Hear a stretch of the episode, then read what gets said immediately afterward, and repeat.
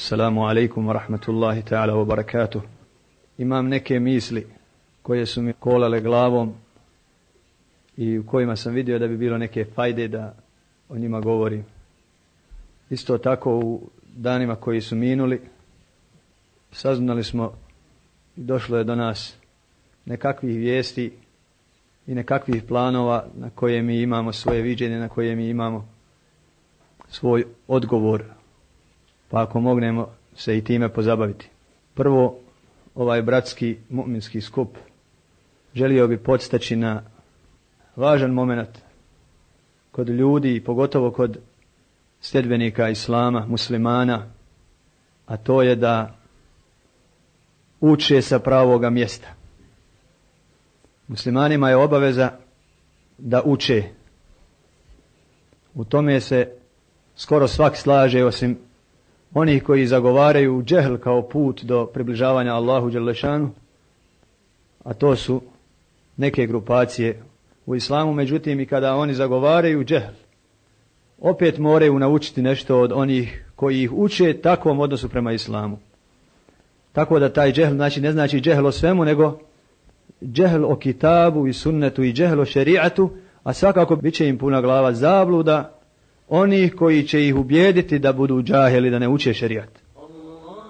Sem te skupine, da ne počinjemo spominjanjem njenog imena, svi ostali uvažavaju Allahove lešanu u riječi sa kojima je počela objava ikra.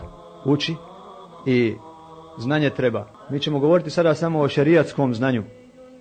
O znanju kog je Allah lešanu iz svoga znanja za provjeru čovjeka stvorenja najodabranijeg ponudio i objavio. To je to znanje. Allah Đelešanu mogao je stvoriti stvorenja drugačija od čovjeka i čovjeka drugačijeg. Da bi stvorio, odnosno da bi proizveo i dostigao ono što je dostigao ovaj čovjek u 21. vijeku. Međutim, kada je Allah Đelešanu odabirao za čovjeka znanje od sebe, htjeo je da iskuša čovjeka. Htjeo je da u tome bude prihvatanje vjere u Allaha ili ne. Zatim, ako je prihvati, da je potvrdi pokoravanjem određenim Allahovim u naradama i zabranama. A ovo drugo znanje koje čovjeku treba da bi se brzo kretao, da bi udobno živio i tako dalje, time se Allah Đelešanuhu puno nije u objavi pozabavio. Nego ga nije zabranio, međutim, sa onim moralom, sa onim ahlakom, sa onim moralnim načelima koje je Allah Đelešanuhu poučio ljude i koji je dao svome poslaniku da pouči ljude, svakako svaka tehnika i tehnologija treba da bude mjerena. I ako se nešto kosi sa time, ako nešto štetno po čovjeka, ako nešto štetno po okolinu, ako nešto ugrožava ljudsku budućnost, Islam je zbog toga brani. Međutim, oni koji nisu imali to znanje, prekoračili su te granice i ugrozili sebe i sve ostale ljude. Ovo je samo uvod. Hoću da kažem da muslimani koji hoće da vjeruju u Allaha Đalešanu, zato što im život bez vjere biva prazan i pust, mogu naučiti sa više mjesta kako u Allaha vjerovat. Ali samo na jednom mjestu mogu naučiti ispravno vjerovanje. Također poslije vjerovanja u Allaha Đalešanu, pokoravati se Allahu i poštivati njegove propise, odnosno šta su to sve njegovi propisi, može naučiti sa više mjesta, ali tačno i ispravno da potrepi i pogodi Allahovu volju samo na jednom jedinom mjestu. Mislim da je to najvažnije pitanje ili prvo pitanje koje se treba postaviti pred muslimane. Jer ako na početku promaše put, neće ih pogrešan put odvesti na pravo mjesto. Znamo mnogi šta ciljamo. Hoćemo da kažemo da o Allahu Đalešanuhu, o njegovim kvalitetima, o njegovim svojstvima, o njegovoj veličini, o njegovoj dobroti, o njegovoj volji, šta voli od nas u dijelima i šta nam stavlja ili preporučuje da radimo, a šta nam zabranjuje ili preporučuje da ga se klonemo i ostavimo, to možemo da naučimo istinski i tačno samo iz Kur'ana i sunneta. Ako to znaju muslimani, ako to znaju naraštaji današnji koji stasavaju, ako to znaju muslimani u cijelini na dobrom su putu. Zamjena za taj nauk i zamjena za taj put je mnogo. Nama se ljudi penju na mimbere pa spominju Kanta i Aristotela. Međutim, može se on spomenuti da se pozabavimo na koji način i kada se može spomenuti neko drugi sem kitaba i sunneta u vjeri. Mi znamo odlično da džamije nisu nikle naukom i davom Aristotela i Platona ili drugih filozofa. Nigdje neko ko slijedi Aristotela i njegovu misao nije napravio džamiju i kazao horite u džamiju i onda u džamiji poučavao njihovim mislima. Nego džamija zna se nastala je od Muhammeda sallallahu alaihi wasallam i njegovog nauka. Prema tome, u džamiji treba da se prenose riječi Muhammeda sallallahu alaihi ve sellem poslije riječi ili sa riječima Allaha tabaraka wa ta'ala sa Kur'anom. Ako njih nema šta god drugo govorili, prazno govorimo. I tom skupu džamijskom, tom skupu muminskom ništa ne nudimo. Zašto moramo kazivati Kur'an i sunnet? Zato što je u njima svjetlo, uputa, istina. Zato što je u njima dovoljno što je u njima podstrek i upozorenje. I drugo što mi nije na umu da napomenem. Pa sve drugo, kada ljude pogotovo učimo vjeri, sve drugo što ne bi spomenuli, ne bismo ništa od vjere umanjili, ne bismo ljude zakinuli. A da li pored Kur'ana i sunneta spominjati još nešto drugo je pitanje? Kao zamjenu za kitab i sunnet nikako. Kao mjerilo jednako kitabu i sunnetu nikako. Tek ako hoćemo da nekome kažemo da kitab i sunnet potvrđuje i nauka, potvrđuju i izrasli umovi ljudski. Kad u tom kontekstu spomenemo Aristotela ili Kanta, tada da ih nismo ispomenuli stvar bi za mumine bila ista. I ko, koga ovdje potvrđuje? Da li Kur'an i sunnet daju tezkiju određenom čovjeku da je ispravno mislio i da mu nije um bio uzalud? Ili određeni čovjek daje tezkiju i diže kitab i sunnet. Daje im autoritativnost. Jasno je da je to kitab i sunnet. Da su oni mizan. Zato neka nauči musliman da ako nije čuo Kur'an i sunnet, ako nije čitao u knjizi ili ako knjiga ne sadrži kitab i sunnet, da mu ne vrijedi šta je čuo drugo, jer nije nikakva garancija. Ljudski um može lutati, može biti sputan, može nedokučiti, može pogrešno rezonovati mora nešto što je apsolutno tačno da ga potvrdi ili da ga prešuti ili da ga osudi. Ako ga je osudilo, onda ga držimo za neispravno. Ako ga je potvrdilo za ispravno, ako ga je Kitab i Sunnet prečutio, onda smo mi u rezervi. Ne znamo je li to istina ili nije. To je prvo što moramo znati. I to je prvo čemu moramo ljude poučavati. Kur'anu i sunnetu, cijelini kojoj ništa ne fali, kojoj svako ubacivanje sa strane, svako dodavanje, ako nije u njihovom duhu i kontekstu, šteti i nije dopušteno. I to je ta teška novotarija koju je Islam osudio.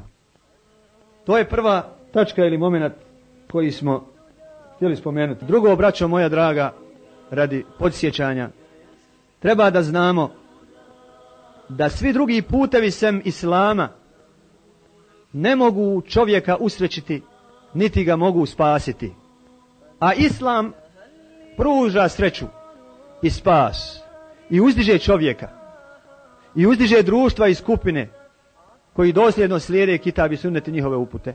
Ali taj Kur'an i sunnet traži i treba ljudski faktor. Kod svake druge opcije kod svake druge ideologije i sistema, koliko god se ljudi zalagali i trudili i bili disciplinovani i angažovani, neće uspjeti. Doživjet će krah zbog samog sistema. A još ako tome dodamo ljudski faktor koji se poigrava i nije dosljedan tom sistemu i onome što on zagovara, još prije neće uspjeti i još će prije propasti. Islamski sistem, islamski nauk, šerijat, islam, zbog samoga sebe, zbog onoga što sadrži i čemu naučava, ne može propasti i ne može krah doživjeti. Njega može samo ljudski faktor izdati. Zato govorim o ovome vama. Da nismo dobro postupali i da nismo dosljedni bili, ne bi na ove stepene stigli. Otuda s pravom imamo obavezu da strahujemo za budućnost, da ne zakaže ljudski faktor ili da ljudi pogrešno ne protumače islam. Pa da onda se optužuje islam. Da islam u sebi nema alternative za sve ovo što muči čovjeka danas. Mi smo u zadnjih deset godina kao pojedinac i društvo imali niz alternativa koja je sve gora od gore. Svaka se ne brine o najbitnijim potrebama čovjeka. Izigra čovjeka kom je obećavala sve i svašta, izigra ga. U istoj noći kada je izrazio svoje povjerenje. To s Allahom i poslanikom ne može se desiti. Može da zakaže, ponavljam, ljudski fakt. I nesvatanja Allahovog naloga, odnosno Allahovih propisa. Da se ne bi Islam krivo razumio i krivo interpretirao, kriva je ulema i dužna je ulema da se stara. Kao što je rekao Resul sallallahu alaihi wasallam. Inna Allahe la ilme أو لا يرفع العلم بنزعه من صدور الulama. Allah ne diže nauku, ilm, time što ga čupa iz prsa učenih. وَلَكِنَّهُ يَرْفَعُهُ بِقَبْضِ الْعُلَمَا Nego ga diže uzimanjem učenih. Pa kada se to desi, kaže, يَتَّخِذُ اتَّخَذَ النَّاسُ رُؤُوسًا جُهَالًا فَيَسْأَلُونَهُمْ فَيُفْتُونَهُمْ بِغَيْرِ عِلْمٍ فَضَلُّوا وَأَضَلُّوا Pa će pitati kada nestane ti ljudi, kada je Allah uzme, ljudi će pitati, uzet će ljudi za prvake, za učenjake, neznane glave, neznalice. Pa će ih pitati, pa će im davati fetve bez znanja. Time čine zabludu i time će u zabludu druge odvesti. Znači ulema je dužna da pravi islam, istinski islam, kakav je objavljen i kako ga je znala i praktikovala prva generacija ashaba i tabiina i najboljih generacija, dužna je ulema da se o tome stara. je nekad može ne biti, može je Allah Želešanu usmrtit, može ne biti na jednom mjestu, raseliti se, može biti odvojena ta privremena smrt ili specijalna smrt odvojena od ljudi, a ljudima potureni neznalice. O tome je treba voditi računa. Ima tu i druge zloupotrebe. Ima tu i kada ima ko da, da nauči, ima ljudi koji sami sebi, svjedočeći da ne znaju, sami sebi daju šerijatske odgovore. I da se svakako ponašaju. Ili biraju onoga ko bi otprilike ugodio njegovom hiru. A ako nisi siguran u sebe i nisi siguran ako ga pitaš, pitaj onog kog si siguran makar bio na kraj svijeta. To je za tvoju vjeru sigurnije. Nije hića za odgovorom. Ali se mora autoritet vjere sačuvati, pogotovo u ovim osjetljivim vremenima kada nam Allah broj povećava, pa niko više ne može ljude pod jedan ogrtač, pa im kazivati ovako ili ovako. I onda skupine i pojedinci rade od sebe, pa se pripisuje zajednici, pa više ti rade nego što rade učeni da bi mogli ispravno voditi. To je ta opasnost. To je dakle na ulemi. Ako leme nema, ljudi su dužni da uče, da nauče, da mogu upućivati svoju sredinu. A drugi problem jeste naše varanje samih sebe. Znamo i načito smo sto posto, međutim varamo se. Munafički se odnosimo, sa Allahom se poigravamo. I u tom slučaju Allahova opcija, islamska opcija će da šepa. Zbog ljudskog faktora, što je ovaj zakazao u ovom dijelu, drugi zakazao u ovom dijelu, ona zakazao u ovom dijelu, tamam da imaju čistu nauku, nepomučenu, nisu joj udovoljili. Teško naći čestite pojedince, ispravne pojedince, a potrebno je da svak ko se Allahu Đalešanu pokori da udovoljava njegovim narodama i njegovim zabranama. Zato, braćo moja, preispitajmo se. Preispitajmo se, dosta je vremena proteklo. Dosta je vremena proteklo od kad smo saznali i otkad smo se lijepo pokorili i otkad smo se promijenuli, ako smo popustili, ako se žar ugasio, razmislimo ko je gubitnik. Razmislimo šta možemo iznevjeriti. Zašto možemo krivi biti? I zašto možemo polagati račun?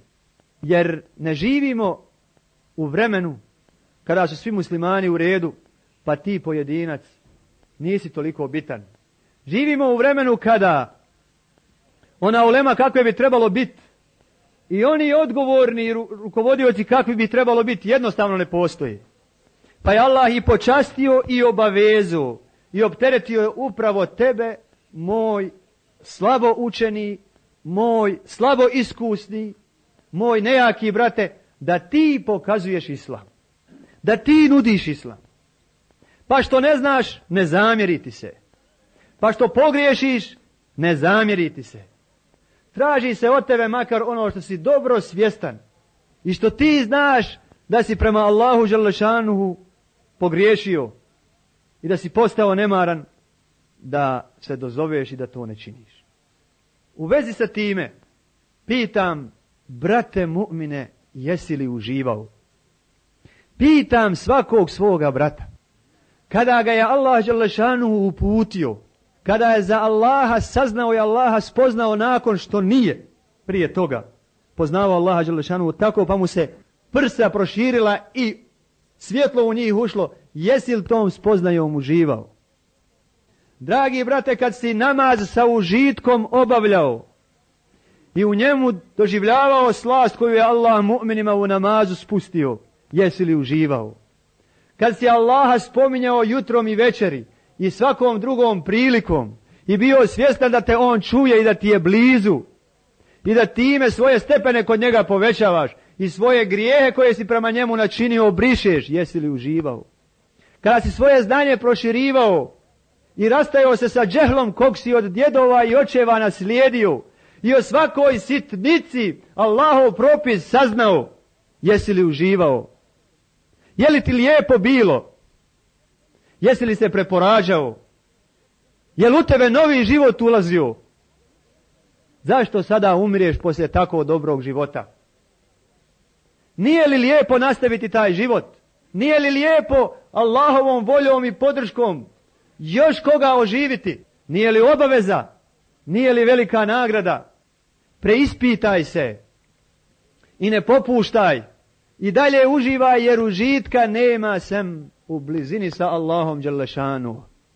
On je taj koji tvoju dušu usklađuje. On je taj koji razboritost u tvoj um spušta i daje. Samo bereketom tvog lijepog robovanja njemu. Ničim drugim to nećeš moći postići.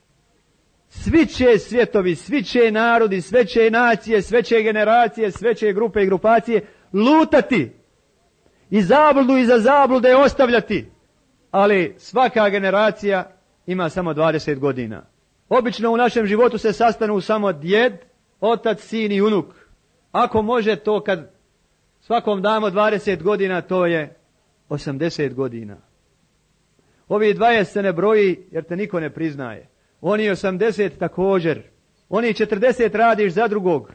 Oni prvi 20 nisi ni drahat, rahat. Ali to je tvoja generacija. Poslije tebe dolazi druga generacija ti prelaziš u onu gori. I svaka generacija ima 20 godina. Prema tome, ako te je jedna opcija izdala i ako si joj uzalud služio, ne možeš više za pravu stvar raditi kao što si mogao. Ako je neko mladost tvoju založio za islam i dao punu podršku islamu u njoj, s pravom može generacija, s pravom može da odahne i preda bajrak drugima. Jer Život nas uči da čovjek ne može, pojedinci mogu ako im je to fa, ako se time bave, mogu dok su god živi davati profesori i slični. Međutim, pojedinac hoće da nešto uradi za islam, da unaprijedi davu, njegova je mladost, njegovih je 20 godina. Iako je uradio, neka odahne. Neće napuštati taj posao i to zanimanje, ali neka odahne. Ako nije tako uradio, neće moći poslije da poluči isti rezultat i da podnese isti trud. Zato omladini, kada sa omladinom govorimo, kažemo sad se trudite. Sad je na vama da se trudite. Ja mogu posvjedočiti da je u ovoj Bosni bila generacija koja je svoju mladost utkala, žrtvovala za napredak Islama, napredak dave. Kada bi nastale druge generacije, a nastavit će inša Allah ta'ala i sami ovi prvi ne bi opadao nivo i uspjesi bi se ako Bog da niza. Još o jednoj bitnoj stvari. Ne odnosi se samo na nas, odnosi se na muslimane općenito. Nazvao bi je kompleks može svugdje odvesti. Kompleks je posljedica jednog običaja. Običaja, Allah Đelešanuhu kaže, kada bi ali Fir'auna min qablihim bi ajatina. Kao što bješe običaj faraona i oni poslije njega koji su nijekali naše ajete, koji su odbijali naše poslanike, koji nisu marili za naše objave. To je bio običaj Firauna i običaj naroda poslije njih. To je taj kompleks. Gledajte kod Benu Israila kompleksa. Kada im dolazi poslanik i kaže samo uđite u grad, bit ćete pobjednici. Kalu inne fiha kaumen džabbarin. وَإِنَّا hatta yakhruju minha Fa Reče im nakon što su lutali, nakon što su more prešli i Allah Đelešanu faraona potopio. Kaže, uđite u grad, u obećani grad. Kažu, u tom gradu je silni narod, moćni narod, jak narod, organizovan narod. I mi nećemo u njega ući dok oni ne izađu. Ako oni izađu, mi ćemo ući. Pa su i savjetovali musa عليه السلام هارون رجلان من الذين يخافون im الله عليهم ادخلوا عليهم الباب فإذا دخلتم فإنكم غالبون rekoše dva čovjeka koja se bojala Allaha uđite na ta vrata na gradska vrata dok uđete pobjednici ste samo ukoračite neprijatelj će pobjeći Allah će ih uplašiti Haluja Musa موسى إنا لن ندخلها Ma ما داموا فيها فاذهب أنت وربك فقاتل إنها هنا قائدون rekoše o Musa idi ti i gospodar tvoj i vi se borite mi nikad nećemo u njega ući sve dok su oni u njemu, a mi ćemo ovdje sjediti. To je taj kompleks.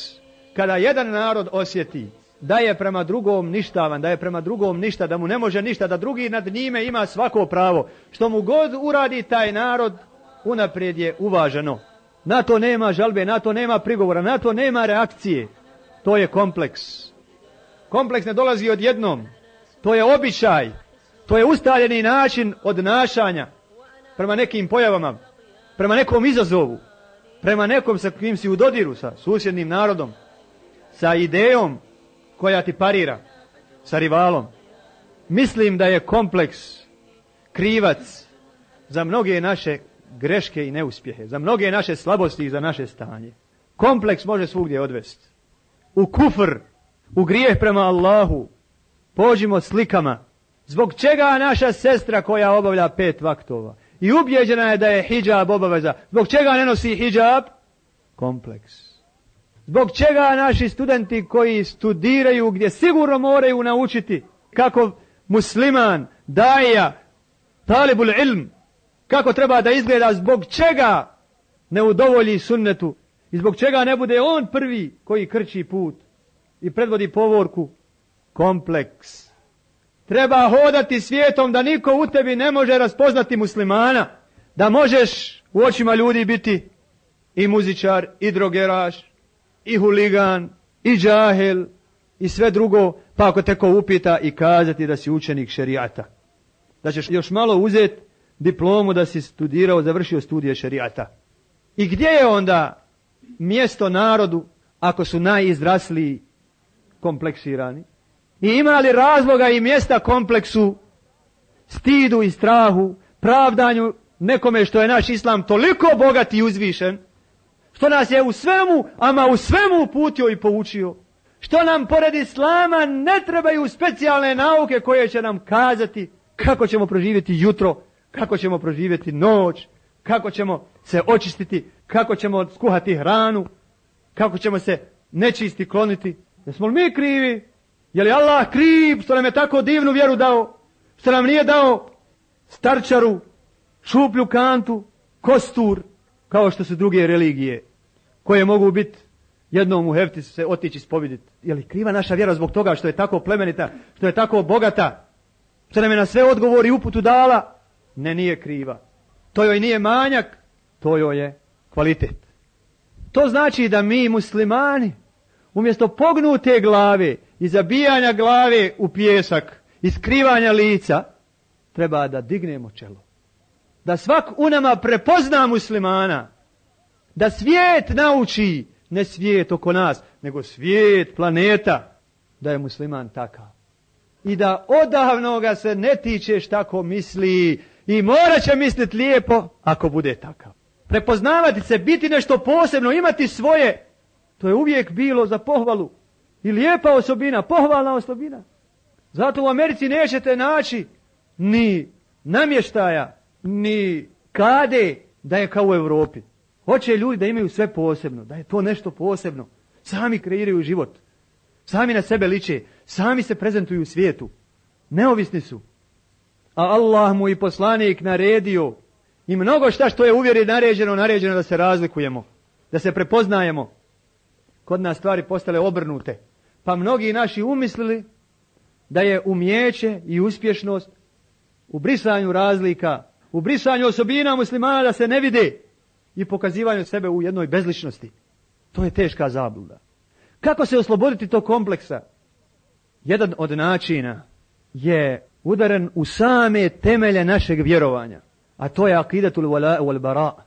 Akida ili jedan dio akide jedna dimenzija da vjernik mora Allaha radi i izgradnje i očuvanja vjere svoje, ne vjere, nego vjerovanja, bez koga namaz neće biti primljen, bez koga je post džaba, da mrzimo, ako ima neko da nam drugog Boga nudi, mrzimo i odbacujemo i odričemo se ako ima vjera i nauka koja tome poziva, također je se odričemo. Ako imaju ljudi koji je vjeruju, odričemo se. I to mrzimo, ne možemo smisliti. Mrzi li to Allah sve? Mrzi li Allah kumire koje su ljudi pored njega postavili da se njima obraćaju i u njiha uzdaju i njima klanjaju? Mrzi. Mrzi li onoga ko u takvu vjeru poziva? Mrzi. Mrzi li ljude koji to rade? Mrzi i u džahennem će i baciti a mora voljeti Allaha, voljeti poslanika, voljeti njegovu vjeru i davu sa kojom je došao alihi salatu wasalam i mora voljeti vjernike, mu'mine. I mora Allaha smatrati uzvišenim veličanstvenim, poslanika sallallahu alaihi wasallam ponositim i vjernike snažnim doživljavati, u njima je snaga. Suprotno, njegova je vjera labilna i njegova vjera je pod znakom pitanja. Ako takvu vjeru vjernik nosi, u njedrima svojim, ne može imati kompleksa. Kako možeš smatrati visokim čovjeka koji ima Allaha sa drugom Bogu klanja? Jel taj za voljet? Jel taj za poštivat? Jel taj za uzdizat njegov šen? Jel taj za oponašat? Jel taj za uzimat za prisnog prijatelja? Jel taj da u njemu vjeru gajiš? Nije. Ako tebe poziva u nešto takvo, jel da mu se odazoveš? Ili da ga ti spasiš pa kažeš dođi da čuješ šta je prava vjera. Reci ovi kojima je knjiga data dođite. Da se okupimo oko riječi jedne zajedničke i nama i vama. Da se samo Allahu klanjamo. Da se drugih bogova pored njega klonimo. Ako hoćete bujrum. Ako nećete šta onda? Svjedočite da smo mi muslimani. Mi za vama nećemo. Kul ja La a'budu ma ta'budun. Reci o nevjernici. Ovi koji Allaha ne vjerujete. Neću se klanjati i obožavati čemu se vi klanjate i što vi obožavate. Niti ćete vi, osim da postanete mu'mini. I ponovo se to potvrđuje do kraja sure nekoliko puta. To je stav vjernika. I onda je se čudom čudit odakle u muslimanima tolika nemoć, toliki stid, tolika slabost i odakle toliki kompleks. Nije mogao doći slučajno. Falila im je ovakva vjera falila im je ta vjera koja će ih naučit da su oni ponosni, da oni sa svojom vjerom svakog preteć mogu, da oni sa vjerom svojom mogu biti prvi narod, kao što je kazao uzvišeni Innal izzete lillahi voli rasulihi voli mu'minin, walakinnal munafiqine la ja'lamun. Reci, veličina, ponos i ponositost pripada Allahu, poslaniku i mu'minima, ali munafici ne znaju, a kafiri znaju. Kjaferi znaju, zato nastaju svim sredstvima da mu'min ne dođe do tog ponosa. Inače, da ne zna da je u tom ponos, pustio bi te, čak bi ti pomogao, hajde u vjeru pa propani. Ne, ne idi u vjeru da me ne pretekneš. Da se ja s tobom poigravam kako hoću. Taj ljudski faktor, braćo draga, vjeri ne fali ništa. Svakoj drugoj vjeri i svakoj drugoj ideologiji fali, našoj vjeri ne fali. Svak se drugi za svoju vjeru bori. Ideologiju svoju nosi svim žarom i svom snagom, ali islamu fali ljudski faktor. Pa kažem, oni mogu zdanje napraviti na vjetru i havi, a mi ne možemo na tvrdom granitu zbog ljudskog faktora. Vjera na koju temeljimo svoje zdanje. Pojedinac, kada se okrene vjeri, udario je temelje svoje ličnosti na granitu i drugi se sa njim ne može porediti. Svaki drugi će provesti vrijeme i u kocki, i u pijanci, i u bezveznoj zabavi, i u štetnim stvarima, zabranjenim i po zdravom razumu i po vjeri ako se vjerom može nazvati svakoj. Svaka vjera ako nije cijela nekakvom mahlaku uči. Ali mu'min to sebi neće moći dozvoliti. Ni jedna porodica ne može se mjeriti sa islamskom porodicu, kuću, ukućane, ako ih nakalemimo na islam, na taj granit, ne može joj biti ravna ni jedna druga porodica. Bez obzira na kojem znanju ili svjetonazoru temeljila svoju kuću. Tako je i sa kolektivima. Tako je sa narodima. Stoga je u vraćanju islamu, pokoravanju Allahu Đerlešanu izlazi rješenje i nada za opstanak. Jer je uzvišeni rekao da će ova zemlja, da će Allah ostaviti dobrim robovima. Isto tako je kazao da kraj pripada bogobojaznima. Kada je obećavao nekome stabilnost na zemlji, uvijek je uvjetovao vjerovanjem u njega, obavljanjem namaza, davanjem zekata, naređivanjem dobra i zabranjivanjem zla. Nisu samo ovo obavezne koje Allah neke spomenuo, a to znači praktikovanje cjelokupnog islama. Pa ako želimo sebi hajer na dunjaluku i na Ahiratu i želimo da budemo jači od onih koji zaista nemaju puta da budu jaki osim kada mi budemo slabi. Naš put do snage je kroz islam. To je istorija pokazala i dalja i bliža. To u svom životu vidimo. Šta znači uspavan musliman? To znači onaj musliman koji ide na lomaču, koji ide na klanje, mrtav, pognuti glava. Pogledajte one slike redova ljudi idu da ju stočnu hranu prerade. Umjesto da pred Allahom ovako staju zbog obojavnošću i kušanoću i strahom, oni su stali pred neprijateljem. To je kazna onoga ko nije znao da strah od Allaha, koji se stalno bojao neprijatelja. I tim ljudima kada bi ti dao najsilnije oružje, zbog nemoći i poraza u srcu ne bi ga mogli nositi. Pitali bi dajte mi izlaz za Švedsku ili bi tražili neko drugo rješenje. Znači, čas kada će donijeti neprijatelju odluku Danas istrijebe jeste kada budemo uspavani, ne bude li tog časa, neće ako Bog da biti ni te odluke. Zato, vraćamo moja, na posao. Na posao sami sa sobom. Oplemenimo se islamom. Na posao u svojim kućama. Odgojimo naše ukućane u islamu. I djelujmo i šire. Djelujmo na sve načine. Mudro i savjetom. Mudro i savjetom. Allah Đelešanu nam je u farz stavio kada nam je kazao إن الإنسان لفي خسر الذين وعملوا الصالحات بالحق بالصبر taj vasije, to poručivanje, da non stop oporučujemo jedni drugima istinu. Istina je Božja vjera, Božji put i sabur na njoj, ustrajnost na njoj, odoljevanje na njoj. To je taj nasihat. Na nama je da činimo nasihat svakom Božijem stvorenju. I bratu svome kom je malo fali, i bratu svome kojem